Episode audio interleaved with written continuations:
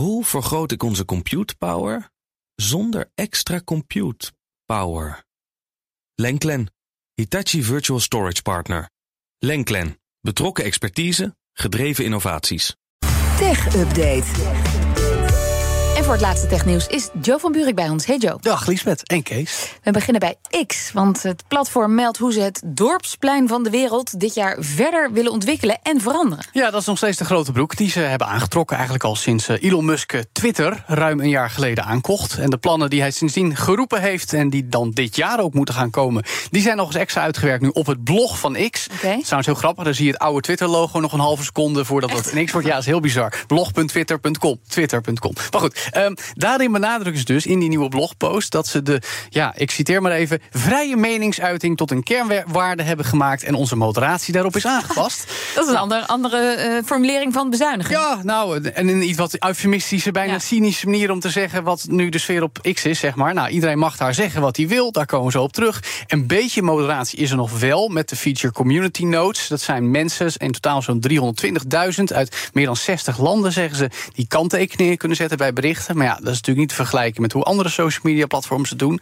Verder zegt X, ze willen extra inzetten op video's uitserveren. Acht van de tien keer dat mensen op platform zitten, zien ze al video's. Of ze het nou willen of niet. Ja. Ehm, en eh, eh, AI moet zowel de gebruikservaring als advertenties verbeteren. Nou, dan kijken ze een beetje naar Meta. Die hebben ook de omzet verhoogd door met algoritmes meer geld te verdienen met advertenties. En ook betalingen moeten dit jaar mogelijk gaan worden, in de VS althans. Maar ja, om al die dingen dan ook daadwerkelijk te gebruiken, moet je nog wel op X actief willen zijn. Ja, want dat geldt voor steeds minder mensen actief zijn op X. Maar ook Nederlandse omroepen, waaronder dus ook de NOS. Ja, want die vinden in elk geval dat interacties met mensen, of in ieder geval daartoe oproepen, maar eens wat minder zou moeten gaan. Dus ja, kijkers, luisteraars, lezers, die moeten dan maar op andere plekken hun mening geven over wat NOS doet. Dat heeft in ieder geval de hoofdredacteur van NOS Nieuws eh, aangegeven in Spraakmakers. Ze zegt: X is natuurlijk geen fijn platform voor interactie meer. Nou, dat is het. Zou ik ook zeggen, na aanleiding van het nieuws van gisteren, dat Caro en Cervé zei dat ze helemaal stoppen met Ja. X. Na hoe eh, eh, omroep zwartbaas Aquasi trending werd besmeurd tijdens een optreden in de Slimste Mens vorige week. Uitermate pijnlijk en totaal niet nodig. Maar bij NOS zeggen ze nu ook, ja, eh, er zijn wel meer reacties die niet zo prettig zijn en ook helemaal niet uitnodigen tot een gesprek. NPO en diverse andere omroepen, zoals ook BNM, VARA en VPRO, overwegen wel hetzelfde doen als Caro. die Dus hebben dat al helemaal gezegd? Ja, dat in ieder geval in een reactie hebben ze aangegeven dat ze overwegen om net als Caro echt te stoppen. RTL heeft wel een artikel hierover, maar hun hoofdredacteur digitaal zegt we gaan niet stoppen met X.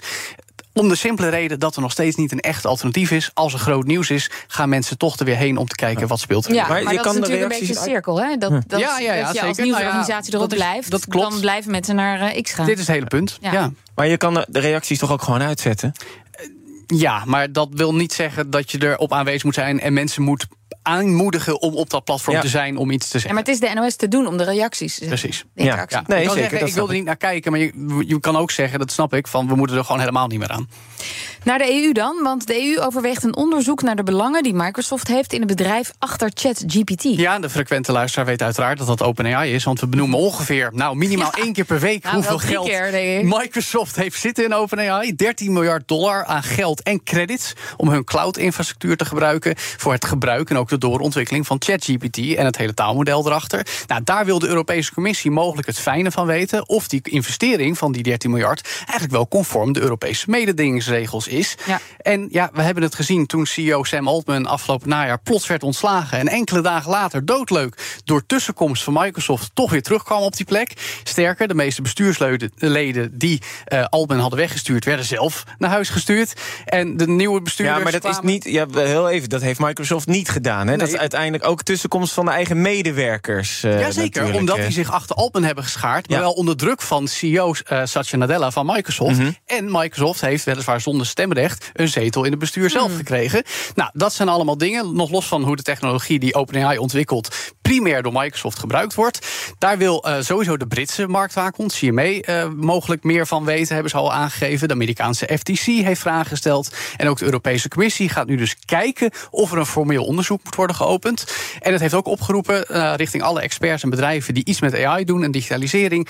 om zich te melden als ze eventuele mededingingsproblemen zien. Nou, Microsoft wil uiteraard niet inhoudelijk reageren. Voelen ook nog de buikpijn van tien jaar geleden. toen ze ruim een half miljard euro boete kregen. omdat ze Internet Explorer Ja. te Outpost, dat weten we ook nog wel. En ja, die overname van Activision Blizzard, die kregen ze er vorig jaar wel doorheen bij de EU. Maar het belangrijkste AI-bedrijf ter wereld, dat is toch even andere En ze hebben dan 49, videospelletjes, Zegt zelfs ik. ze hebben 49% van de aandelen in het commerciële deel van OpenAI. Precies. Dus dat is ja. Dat is toch een, eh, dat zou je kunnen zien als belangenverstrengeling. Dankjewel, Joe van Buurik. De BNR Tech Update wordt mede mogelijk gemaakt door Lenklen. Lenklen. Betrokken expertise, gedreven innovaties. Hoe maak ik van ons VMware-platform een on-prem AI-platform? Lenklen. NVIDIA AI Enterprise Partner. Lenklen. Betrokken expertise, gedreven innovaties.